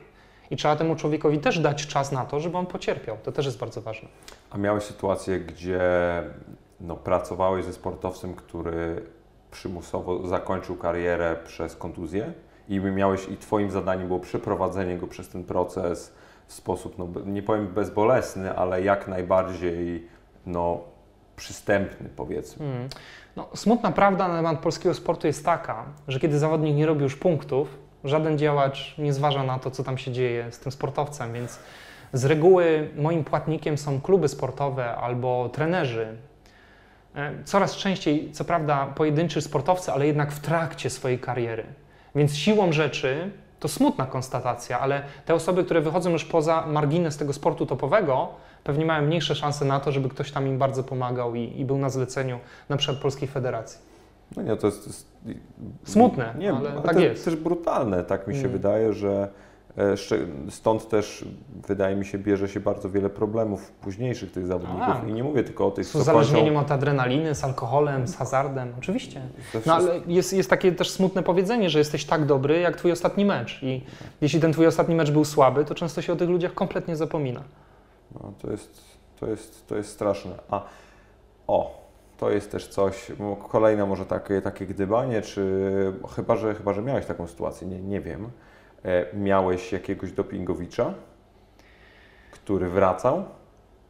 Czy na, na przykład Twój jakiś moralny kodeks mówi Ci, nie pracuje z takimi ludźmi? To znaczy tak, jeśli sobie dobrze przypominam, to nie pracowałem z nikim, kto by był właśnie po dyskwalifikacji i wracał do sportu po dopingu i nie, nie, pracowałem z takimi osobami. Czy bym się podjął takiego zlecenia? Nie wiem, trudno powiedzieć. Jeśli bym uznał, że ten człowiek bardzo cierpi gdzieś tam został wmanewrowany w jakąś polityczną aferę, to być może bym się skusił. Natomiast jeśli byłoby tak, że ewidentnie i cynicznie ten człowiek świadomie próbuje uzyskać przewagę poprzez stosowania poprzez stosowanie y, dopingu farmakologicznego, to myślę, że no, miałbym duży zgrzyt. Ja, ja wolę jednak doping mentalny, który jest legalny, niż ten doping farmakologiczny, ale nie spotkałem się z taką sytuacją, a przynajmniej nic o tym nie wiem. Mhm. Pytam, pytam dlatego, bo na przykład ostatnio słuchałem zresztą podcastu e, i takiej dłuższej rozmowy z Marią Szarapową, okay. jednej z pierwszych e, po jej, no po tym, po momencie, gdy już mogła opowiadać tak. o, o, tej swojej aferze i tak i, i, i gdy jawnie już mówiła o powrocie do sportu i, i powiem Ci, że rzecz, która mi się najbardziej rzuciła w oczy, to ulga, jaką, mm. z jaką ona mówiła o, o bardzo wielu rzeczach i czułem też troszeczkę tak, jakby no, cała ta afera dopingowa i to zawieszenie pozwoliło jej w pewnym sensie odzyskać jakąś swoją, hmm. E, swoją, swoją tożsamość. Spojrzeć z dystansu. Tak, ona, ona mówiła o tym nagle, że ona odzyskała szczęście w życiu, bo nagle masz sytuację, gdy nie trenujesz codziennie, nie jesteś 300 dni w podróży, Super. gdy nagle masz hmm. czas, by obejrzeć sobie jakiś serial, gdy nagle masz hmm. czas poleżeć na kanapie i e, nie sądziłem, że tego typu sytuacja może hmm. wywrzeć aż tak pozytywny pozytywną jakąś, jakąś mm. taką historię, bo no mm. oczywiście ona mówiła z bardzo dużym żalem i, i z pokorą o, o tej całej sytuacji i o, mm. o, tej, o, o, tym, o tym zawieszeniu i o tej decyzji. Niemniej naprawdę można było wyczuć ulgę. Dlatego, dlatego też pytam, bo jestem bardzo ciekawy, jak przebiega tego typu proces. No bo mimo wszystko mówimy tutaj o, o sytuacji czy o człowieku, który podjął jakąś decyzję, która, e, no, która miała w pewnym sensie przyspieszyć ten proces, tak? I jakby to wszystko, co przebiegało dookoła i cała kwestia psychologiczna tego jest strasznie ciekawa, mm. bo coś, coś go tchnęło. To nie jest, wiesz, jednorazowy taki Jakaś moment, motywacja. kiedy mówisz, mm. no nie, no mam strzykawkę, mm. zrobię sobie ten, to jest przecież to, to, trwa czasem miesiące, jesteś pod stałą obserwacją e, różnego rodzaju farmakologów i, i lekarzy mm. i, to, i to, to nie jest tak, że to jedna, jeden, jeden zastrzyk czy jedna kuracja ci, ci poprawia twój, realnie jakiś twój Twój performance. No nie, nie ma takiej mm. sytuacji, więc y, dlatego, dlatego byłem bardzo ciekawy, czy. Wiesz, no, albo, a, a, może nie wiem, masz jakieś doświadczenie nawet z, z jakichś badań, czy z jakichś, nie wiem, konferencji, case'ów, czegoś takiego? Tak, ja Na myślę, że kwestiów dopingowych? Tak, tak. Ja myślę, że w tych sytuacjach, kiedy e, przez dłuższy okres permanentnie ktoś w świadomy sposób bierze doping, dochodzi do tak zwanych racjonalizacji. Czyli ten człowiek zaczyna szukać usprawiedliwienia sam przed samym sobą, że nie jest oszustem. To, że się oszukuje innych ludzi, to jest jedna rzecz, ale oszukiwanie samego siebie bywa dużo bardziej bolesne. I podobnie jak alkoholik, który pije, e, próbuje znaleźć racjonalizację, mówiąc na przykład, a wujek Ferdek tam pił i dożył 90 lat życia, więc mi też nic nie będzie e, ze względu na to, że ja sobie codziennie nam whiskaczem zakończę dzień. Tak samo ci sportowcy, którzy e, zajmują się dopingiem, też sobie racjonalizują. I na przykład racjonalizacją jedną z wielu może być to, że ja jako kolarz biorę doping, ale przecież wszyscy biorą. I kiedy rozmywa się odpowiedzialność na to, że wszyscy biorą w kolarstwie, to ja nie jestem już wcale taki najgorszy i sam mogę sobie znowu spojrzeć do lustra. Wszyscy biorą, wszyscy zdradzają, wszyscy piją. Tak. I wszyscy są oszustami. I to, to są racjonalizacje. No, alkoholicy są mistrzami świata w robieniu racjonalizacji, ale myślę, że dopingowicze również. E, I dlaczego się te racjonalizacje robi? Żeby zmniejszyć poczucie dysonansu poznawczego, żeby zmniejszyć poczucie lęku i też autonienawiści do siebie. Czyli chcemy zrobić wszystko, żeby dalej czuć się konsekwentnie dobrym, uczciwym człowiekiem, a mimo tego wygrywać w sporcie. E, I myślę sobie, że wielokrotnie podatny grunt dla tego typu sytuacji to trudne dzieciństwo, ale to już jakby no nie jest mój obszar badań. To myślę, że warto by było, żeby pojawił się jakiś psychoterapeuta i pogadał o tym, czy na przykład to, że ty bierzesz doping, nie jest reakcją na to, że ojciec cię nigdy nie pochwalił i ty za wszelką cenę chcesz dzisiaj już jako dorosły facet udowodnić temu ojcu, że jesteś coś wart. Jeśli doping jest jedyną opcją, żeby zrobić wrażenie na ojcu, to być może to jest twój nawet taki podświadomy imperatyw do sięgnięcia po te środki. A Ale to już psychoterapia. A miałeś historię, gdzie no, jawnie i w sposób transparentny przekazałeś swojego klienta albo osobę, z którą pracowałeś właśnie do psychologa i powiedziałeś, słuchaj, wykraczamy już poza moje kompetencje i to jest inny problem, Tak, kiedy pojawia, bardziej się, poważny? kiedy pojawia się depresja w trakcie naszej współpracy i kiedy czuję, że ktoś jest w- w stanie depresji, to wtedy adresuję już psychiatrę i farmakologię, która będzie z tym problemem walczyła. Bo wbrew temu, co niektórzy coache uznają i mówią nawet publicznie, depresji nie da się leczyć treningiem mentalnym ani taką zwykłą, prostą psychologią. Do depresji potrzebne są leki. Śmiem twierdzić, że wiem o kim mówisz. Nie uważasz, że takie osoby... Psują mi rynek. Tak, ale, ale, też, ale też kompletnie postrzeganie w ogóle, Mm. bo nie, nie, To jest choroba. Śmiem, śmiem twierdzić, że nie narzekasz na, na brak pracy. Oj, wręcz przeciwnie. Ale wiesz, to jest trochę tak, jak ja bym ci na chorobę serca powiedział, no to zwizualizuj, że serce ci dobrze działa, zrelaksuj się i już jest wszystko ok. Trzeba cię wysłać, jeśli jesteś świadomym i etycznym człowiekiem, do lekarza, no w tym przypadku do kardiologa. Podobnie jest z depresjami, trzeba iść do psychiatry. Tam Ale- nie ma miejsca na trening A o mentalny. takich ludziach, no, o którym, o, czy osobach, o których oboje myślimy, to, to jawnie można, czy tam śmiało można powiedzieć, że to są oszuści? Wiesz, no to jest mocne słowo. Na pewno myślę sobie, że we wszystkim tym, co robią ci ludzie, na pewno są jakieś dobre aspekty, nie? Jakby nie chcę za pomocą jednego zdania, być może nawet wyciągniętego z kontekstu, ocenić całokształtu działań tego człowieka, o którym tu myślimy. Być może on robi też bardzo dużo e, dobrych rzeczy, więc nie wiem. Ale te pojedyncze zdania, które mówią, że on jest w stanie za pomocą, nie wiem, e, myśli leczyć nowotwór, to są bardzo niebezpieczne i myślę nawet, że powinny być w pewnym sensie e, prawnie penalizowane. A miałeś w ogóle, w sensie, nie, że ty miałeś, ale czy była w ogóle, bo jako że nie wiem kompletnie, czy była w historii sytuacja taka, że ktoś no, pozwał swojego coacha, e, bądź, nie wiem, jakiegoś znachora, szamana, kogoś takiego? Pewnie tak. Kiedyś tam nawet w jakiejś telewizji widziałem e, reportaż na temat człowieka, właśnie z Nahora, który polecił rodzicom, żeby zagłodzili dziecko i dzięki temu to dziecko się wyleczy z jakiegoś tam, nie pamiętam, czy nowotworu, czy, czy czegoś tam na pewno ciężkiego i to dziecko zmarło. Była dość głośna sprawa, bodajże w TVN-ie to, to, to często pokazywali. Ten człowiek, o ile pamiętam, e, siedzi już w więzieniu. Natomiast w tym środowisku coachowskim nie słyszałem o tego typu sytuacjach, słyszałem o tego typu sytuacjach wśród psychoterapeutów, gdzie psychoterapeuta podejmuje się naprawdę e, niekiedy rozmawiania na temat dużych traum, dużych i ciemnych tematów z poprzedniego czy z przeszłego życia klienta i bywa tak, że ci klienci potem mają pretensje o to, że to się wyzwoliło i jeszcze bardziej boli po psychoterapii niż miało przynieść ulgę. I o takich sytuacjach słyszałem, że psychoterapeuci są pozywani do sądu, tak. No nie, to już weszliśmy na taki temat bardzo... Trudne. Tak, nie. temat, ale to też nie jest łatwa praca, Wiesz, pozorom. ja na przykład, ja na przykład y, bardzo jestem no, takim, nie, nie, że ewangelistą, ale bardzo Mhm. polecam i bardzo jawnie o tym mówię, na przykład, że ja korzystałem z usług y, psychologów i, i miałem z tym do czynienia i w trakcie kariery, i po karierze, bo, e, Warto. bo, bo uważam, że to jest, y, to jest pewnego, tak jak ćwiczysz po to, by być cały czas naoliwiony, tak czasem e, o Twojej, według mnie, sile świadczy to, że potrafisz sobie powiedzieć, że z czymś nie dajesz rady albo czegoś nie rozumiesz. Jak I, najbardziej. Jak I najbardziej. tak jak Ty mówiłeś o tej superwizji, ja mam też takie troszeczkę wrażenie, że szczególnie w Polsce wciąż no, psychologia, psychoterapia, wszelkiego rodzaju praca z umysłem jest tematem tabu. Tak jak się nie mówi o seksie, tak się nie mówi o, Tak. o psychologii. I, I myślę, że z czego to wynika?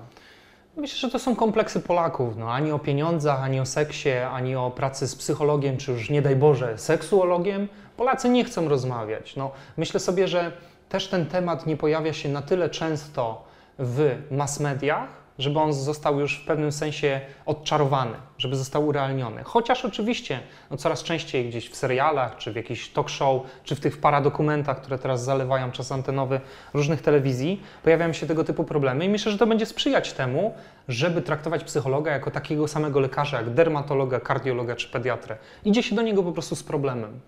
Ciekawe, czy kiedyś to będą refundować. Oby, oby, oby. Chociaż już refundują. No, jest Tak? psy- psychoterapia w niektórych y, NFZ-ach jest na, na refundację. Jeśli ktoś na przykład No. jest po traumie czy, czy z jakiejś rodziny patologicznej, to można e, już brać psychoterapię na, na fundusz. Dobrze, bo zabrnęliśmy już e, za daleko w, w tematy patologiczne, więc ja bym teraz e, poszedł w coś no, skrajnie Jasną stronę nie, mocy. nie patologicznego, czyli, no, czyli o Twoją przygodę z, z reprezentacją, bo ona mnie, ona mnie ciekawi, no, może Mm. nie z, nie z takich oczywistych względów, bo no, znam Twoją historię, znam też, e, no, znam też jakby Twoją osobę w, w, powiedzmy w, z perspektywy siatkarzy czy, czy Mhm. środowiska siatkarskiego, bo Mhm. no, też powiedzmy wykonałem swoją pracę przed, Jasne. przed tą rozmową i, i mnie interesują dwie rzeczy przede wszystkim. Mhm. E, dobra, trzy rzeczy. Jedna będzie taka, bym powiedział, pół żartem, pół serio. Po pierwsze, skąd się wzięła Twoja ksywka,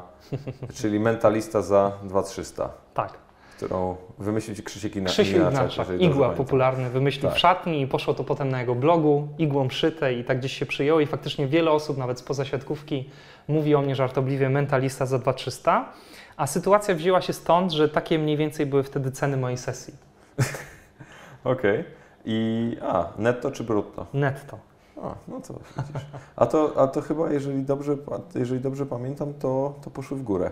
Poszły w Od górę, tego- tego tak, czasu- poszły w górę, od bo jakby no, też siłą rzeczy, chociaż to może zabrzmi trochę arogancko, kiedy jest olbrzymi popyt, trudno jest utrzymać stare ceny, bo człowiek by już nie miał czasu zjeść obiadu i spać. Więc siłą rzeczy w pewnym sensie ograniczamy możliwość dojścia do nas, bo inaczej mielibyśmy kalendarz zapełniony pewnie na rok do przodu. No i nie miałbyś kompletnie wtedy tego balansu, o którym mówisz, Tak, tak tak, tak. A jedna z takich najprostszych metod do tego, żeby ograniczyć e, liczbę klientów, ale jednocześnie zarabiać pieniądze, które Cię satysfakcjonują, to właśnie podniesienie ceny. No tak, to takie bardzo biznesowe podejście. Tak, no i też, y, a zresztą mi do biznesu blisko, bo, bo zanim jeszcze zacząłem się bawić y, w pomaganie sportowcom, to już robiłem przeróżne inne biznesy, choćby turystykę, więc nauczyłem się jakby takiego sposobu myślenia i zasady Pareto, że 80-20 sobie. właśnie, właśnie, Jedna z moich ulubionych zresztą. tak. Ale dobrze, że, dobrze, że wspominamy o biznesie, bo to jest jedna z, części, czy, czy, czy jeden z punktów, który mnie bardzo interesuje, mianowicie jak Twoja współpraca z siatkarzami przełożyła się na Twój biznes, na bycie mówcą, na Twoje power speeche, na różnego rodzaju... No Jasne. Bo wiem, że już sesji masz dużo mniej, takich Tak, jeden tak. na jeden. Na stare biznesy moja e, współpraca z siatkarzami nie przełożyła się praktycznie w ogóle, bo w turystyce mało kto jakby też kojarzył, że ja pracowałem z siatkarzami. Natomiast na te nowe biznesy, które zacząłem robić, czyli dwie jakby najmłodsze spółki w tych firmach, którymi zarządzam, JBB i Mental Power, to przełożyło się bardzo i nie ukrywam, każdy kolejny medal, bo ten siatkarski oczywiście nie jest jedyny, wpływa na to, że rośnie jakby zaufanie do mojej marki i wiarygodność tego, co robię, bo wiesz, nie sztuką jest pięknie opowiadać o sukcesie sportowym i myślę, że w Polsce jest masę ludzi, którzy piękniej opowiadają niż ja. Sztuką jest opowiadać o czymś, a później wyjść do współpracy z danym sportowcem i robić medale. To już jest sztuka. E, I proporcjonalnie do tego, ile medali nasza firma już pomogła zdobyć, nasza wiarygodność i szacunek w oczach klienta po prostu rośnie. A złoty medal Mistrzostw Świata siatkarzy, nie ukrywam, był jednym z najbardziej medialnych projektów, które robiłem. Więc wtedy, z dnia na dzień, stałem się po prostu dużo bardziej popularny w środowisku sportowym, no bo pokazywały to anteny Polsatu Sportowego. A ile było tych medali? W sumie moja firma przyczyniła się do zdobycia około 70 medali na ten moment. Przy czym, podkreślam, pracują też dla mnie trenerzy mentalni, bo ja się już nie ogarniam i liczę również sobie te medale, które zdobywają ze swoimi klientami moi potopieczni. No, Dzisiaj na stronie mentalpower.pl, jeśli wejdziesz, jest około 10 trenerów mentalnych, którzy dla mnie pracują i to dopiero daje nam szansę na obsłużenie tych ludzi, którzy do nas piszą. no to Rozwinęło się dobra, to bardzo. do, dobra strategia. Tak. Ale to też świadczy o tym, że jest popyt na takie. Jest olbrzymi popyt, jest, jest zaskakujący. Ja, wiesz, dwa razy w życiu miałem albo wielkiego fuksa, albo, albo niezłe wyczucie. Pierwszy raz, kiedy do Polski sprowadziłem animację czasu wolnego w turystyce i w pewnym sensie budowałem tą branżę jako pionier. I drugi raz, kiedy Polsat pomógł mi nagłośnić kwestię treningu mentalnego w sporcie. Dwukrotnie moje firmy od zera... Przez siatkówkę. Przez siatkówkę. Dwukrotnie moje firmy od zera, z dnia na dzień, stały się bardzo popularne, bardzo dochodowe i miały bardzo duży popyt klientów. Dlaczego? Bo to było coś nowego. A powiedz mi, i, i to jest coś, co mnie naj, najbardziej interesuje i według mnie też, y, też mam nadzieję, że słuchaczy zainteresuje. I na ile, na ile ty myślisz, że twój trening się przełożył na ten medal siatkarzy, a na ile było to po prostu szczęście i byłeś, tak jak mówisz, odpowiednim człowiekiem na odpowiednim Tak. miejscu? Wiesz, trudno powiedzieć, bo kadra akurat, jeśli chodzi o siatkówkę, jest dość liczna. Tam jest około 10 osób w sztabie szkoleniowym, 14 zawodników, bo 12 grało, a dwóch e, było jakby przez cały turniej na ławce rezerwowych. W sumie liczmy ponad 20 osób na pewno. I nie ma takiej możliwości w żadnym projekcie, w żadnym sporcie, żeby trafić z pozytywnym przekazem do każdego z tych ludzi. Dla mnie więc było rolą to, żeby ci, którzy wierzą w trening mentalny, którzy tego potrzebują i którym to pomaga, być dla nich, być gotowym do tego, żeby z nimi pracować. Natomiast zrobiłem coś takiego, co bardzo szybko przyjął też Stefan Antiga z dużym entuzjazmem, że sesje u mnie absolutnie są nieobowiązkowe i ci zawodnicy, którzy już się zrazili do psychologii, czy nawet do jakiegoś konkretnego psychologa sportu, czy też byli we współpracy z jakimś psychologiem innym niż ja, nie przychodzili na te sesje i być może oni do tego tematu podejdą bardziej sceptycznie. I teraz zależnie, jeśli byś przeprowadził wywiad z osobą, która do mnie przychodziła codziennie na trening mentalny podczas Mistrzostw Świata, Rozumiem, że ta, były takie osoby. oczywiście, to ta osoba ci pewnie powie, że w dużej mierze ten medal jest też dzięki Kubie. Ale jeśli trafisz z wywiadem na osobę, która ani razu do mnie nie przyszła i patrzyła troszkę z powątpiewaniem i sceptycyzmem na to, co robię, to powie, że to jest tylko trening, praca z Antigą i to nie miało żadnego znaczenia i to był fuks. Więc tak na dobrą sprawę, mi trudno jest odpowiedzieć na Twoje pytanie, bo zależnie czyimi oczami na to spojrzymy. Nie? Jeśli spojrzymy oczami osoby, która była na ławce rezerwowej, która nie grała w meczach i która tak na dobrą sprawę nawet nie miała czasu na to, żeby przyjść na trening mentalny, bo ja tego czasu dla tej osoby nie miałem, pewnie ten trening mentalny nie wniósł nic.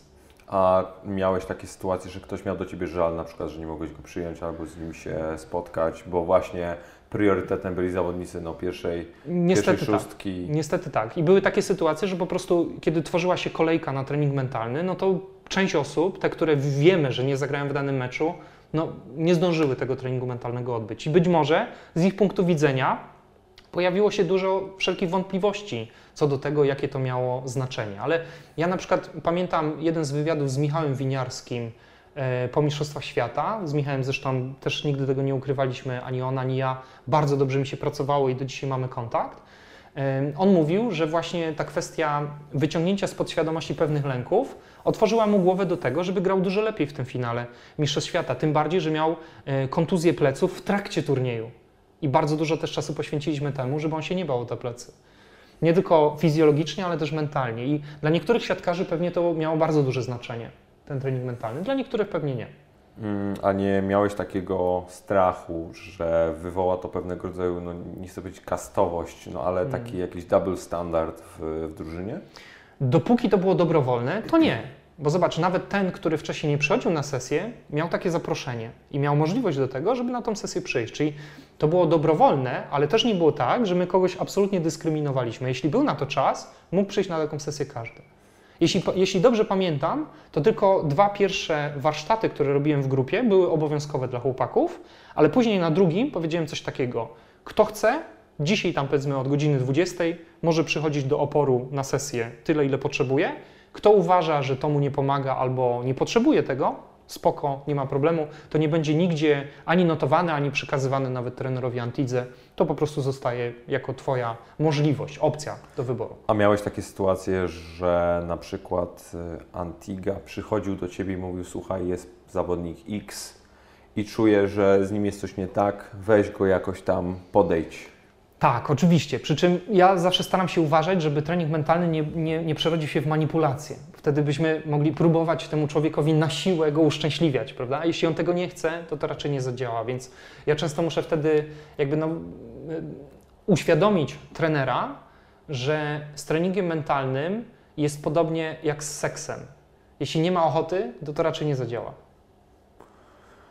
Tak, to jest y, do, nie, trafna metafora, dość egzotyczna wydaje mi się akurat, żeby wiesz, łączyć te dwie rzeczy, niemniej na pewno, na pewno tak. A Ty się czułeś bardziej człowiekiem trenera czy człowiekiem zawodników? I czy tak byłeś odbierany? Hmm.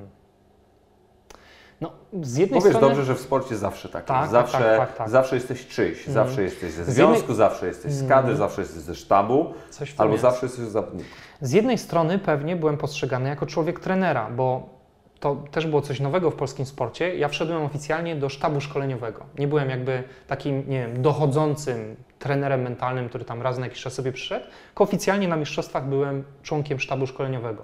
Więc pewnie niektórzy postrzegali mnie jako człowiek, który gdzieś tam może donosić antizę. Ale z drugiej strony wierzę, że moja dyskrecja i etyka działania doprowadziły do tego, że siatkarze zaczęli mi ufać. Nie było to łatwe, bo wcześniej z siatkarzami pracował ktoś, ja nie podam tu nazwiska, ale był to psycholog, który po prostu poprzedniemu trenerowi donosił niektóre tematy, które nie powinny wyjść z sali e, sesyjnej, z sali terapeutycznej. I część zawodników e, jakby na dzień dobry przykleiło mi łatkę, że jestem kolejnym po prostu człowiekiem, który prywatne problemy będzie wynosił na piwo z trenerami. E, Natomiast z czasem, kiedy się okazało, że Antiga nie dowiaduje się ode mnie rzeczy prywatnych, tylko takie rzeczy, które są jawne i które mogą wpłynąć na to, że ten zespół będzie funkcjonował lepiej, ci zawodnicy i więcej mówili, i częściej przychodzili, i ta relacja była bliższa. A na przykład miałeś, e, mówiłeś, jak były, były takie sytuacje, gdzie ty powiedziałeś zawodnikowi na przykład, słuchaj, pokłosie czegoś, co on ci przed chwilą powiedział, słuchaj, powinieneś pójść do, z tym do Stefana i, i z nim o tym pogadać, bo, bo to jest ważne. Wiesz, ja raczej unikam, Sugerowałeś tego typu rzeczy? raczej unikam. Unikam w ogóle nawet takich słów, gdyby po- popatrzeć na to tak czysto semantycznie, to unikam takich słów musisz, powinieneś. Ale ja mówię na przykład, Tak, wiesz, ale- raczej mówię rozważ. Tak, o, no to to już bliżej. Czyli ja na przykład Postawisz kwestię otwartą Tak. do wyboru. Moja komunikacja w treningu mentalnym jest raczej taka. Warto by było o tym pogadać z trenerem, ale sprawdź, jak to z Tobą rezonuje. Jeśli to rezonuje pozytywnie, może warto właśnie z, ze Stefanem pogadać. Jeśli czujesz, że nie, to posłuchaj swojego jakby wewnętrznego głosu. Czyli bardzo rzadko mi się zdarza nawet w takiej pracy zawodowej w biznesie używać takiego słowa musisz, powinieneś. Staram się stosować tak zwany język nieantagonizujący. Koncepcja ze Stanów Zjednoczonych, która Tony jest mi Robbins. bardzo bliska, choćby Tony Robbins, ale to myślę, że dużo szerzej oczywiście. na poważnych uniwersytetach również o tym, o tym piszą, y, żeby nie antagonizować językiem i nie zapędzać cię w kozi róg. Bo jeśli ty poczujesz wolność, to paradoksalnie pozwolisz mi bardziej na to, żeby wejść do twojego świata. Nie na odwrót. No tak, no bo wtedy się świadomie decydujesz na to, że jesteś otwarty na Tak. pewnego rodzaju nowe rzeczy. Tak. I czujesz, że wybór jest w pełni po twojej stronie. I tak faktycznie powinno być w tej pracy. Bo niestety powoli zmierzamy do końca, bo.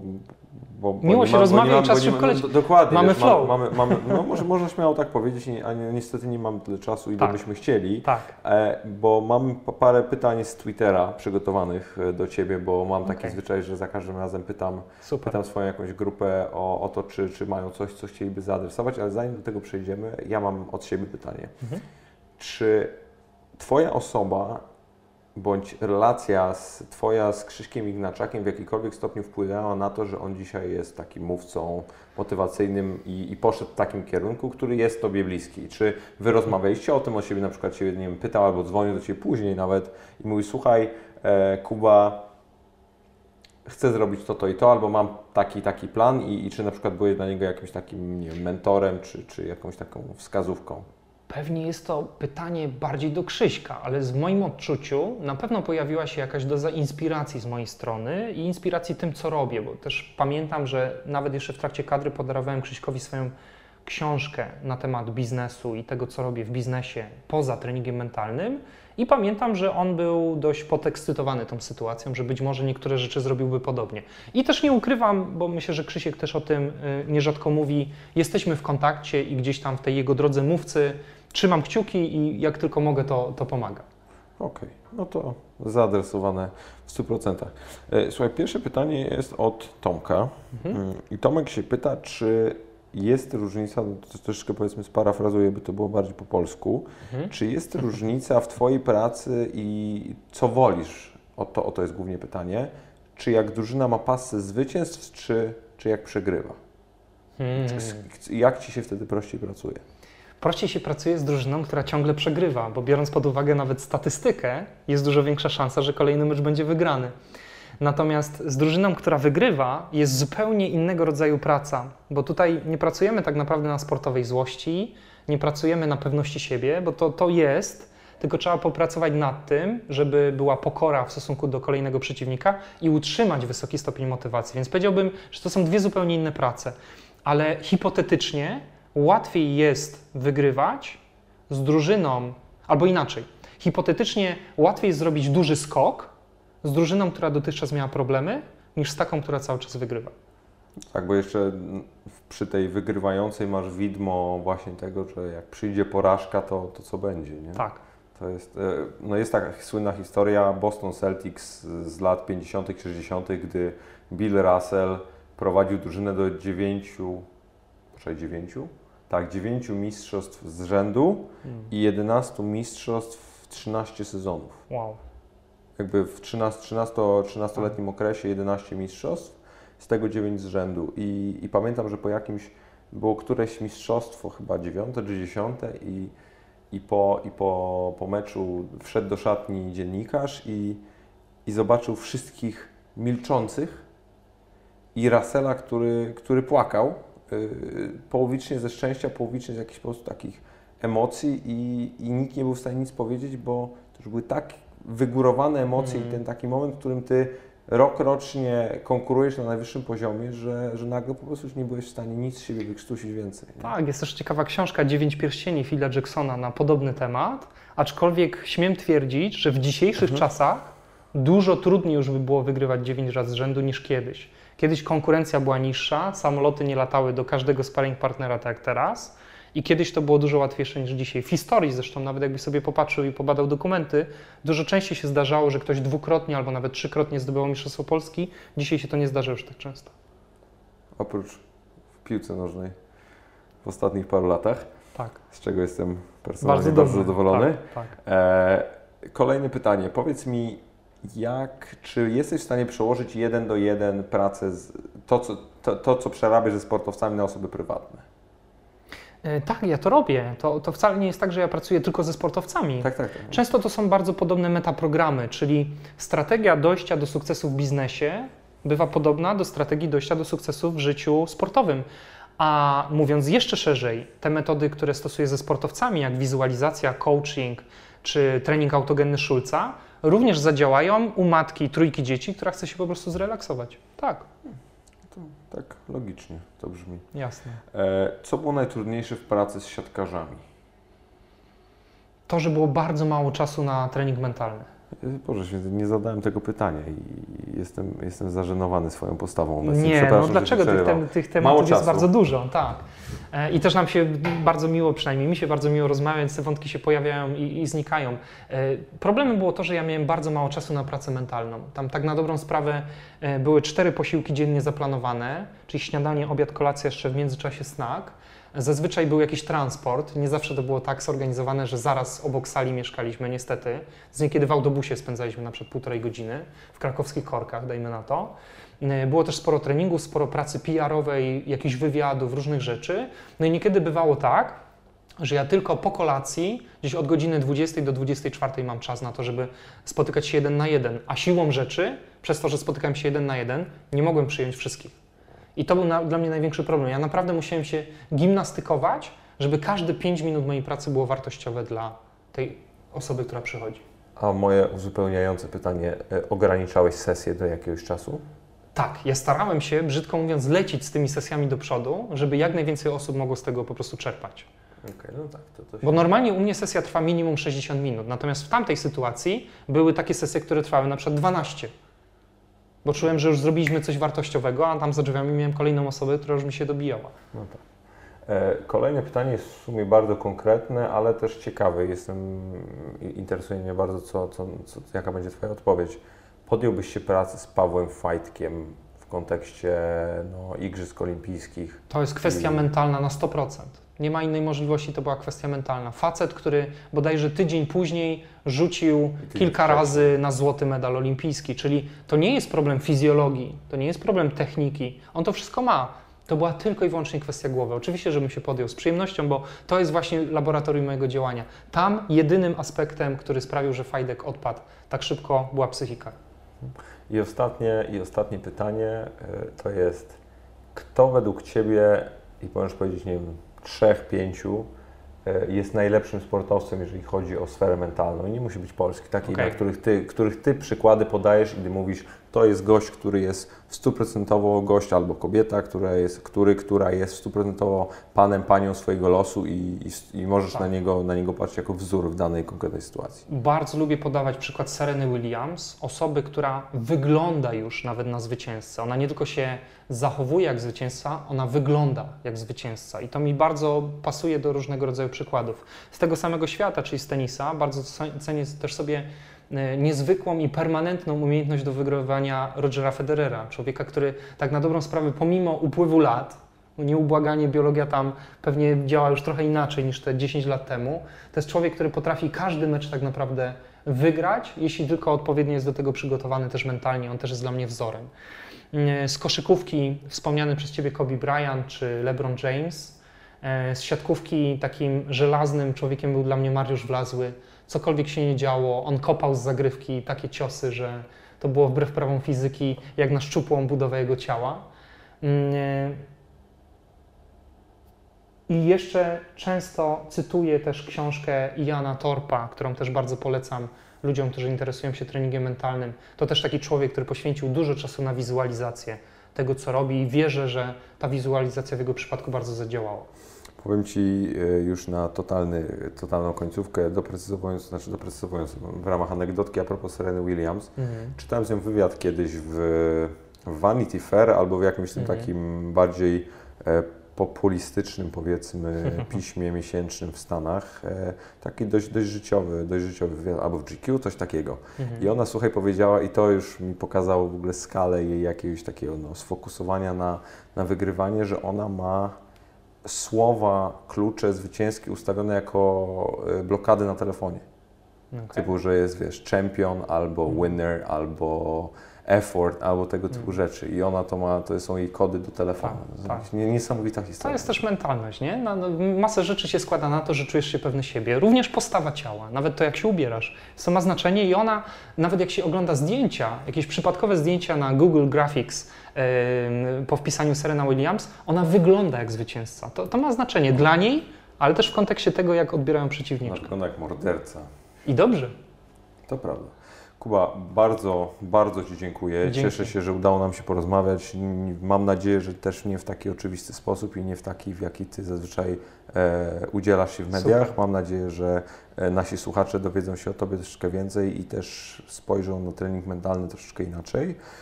A, a do, tak jak mówię, do wszystkich moich słuchaczy y, nowych bądź starych, pamiętajcie o subskrybowaniu moich kanałów na SoundCloud oraz iTunes Podcast i sprawdzaniu pozostałych odcinków.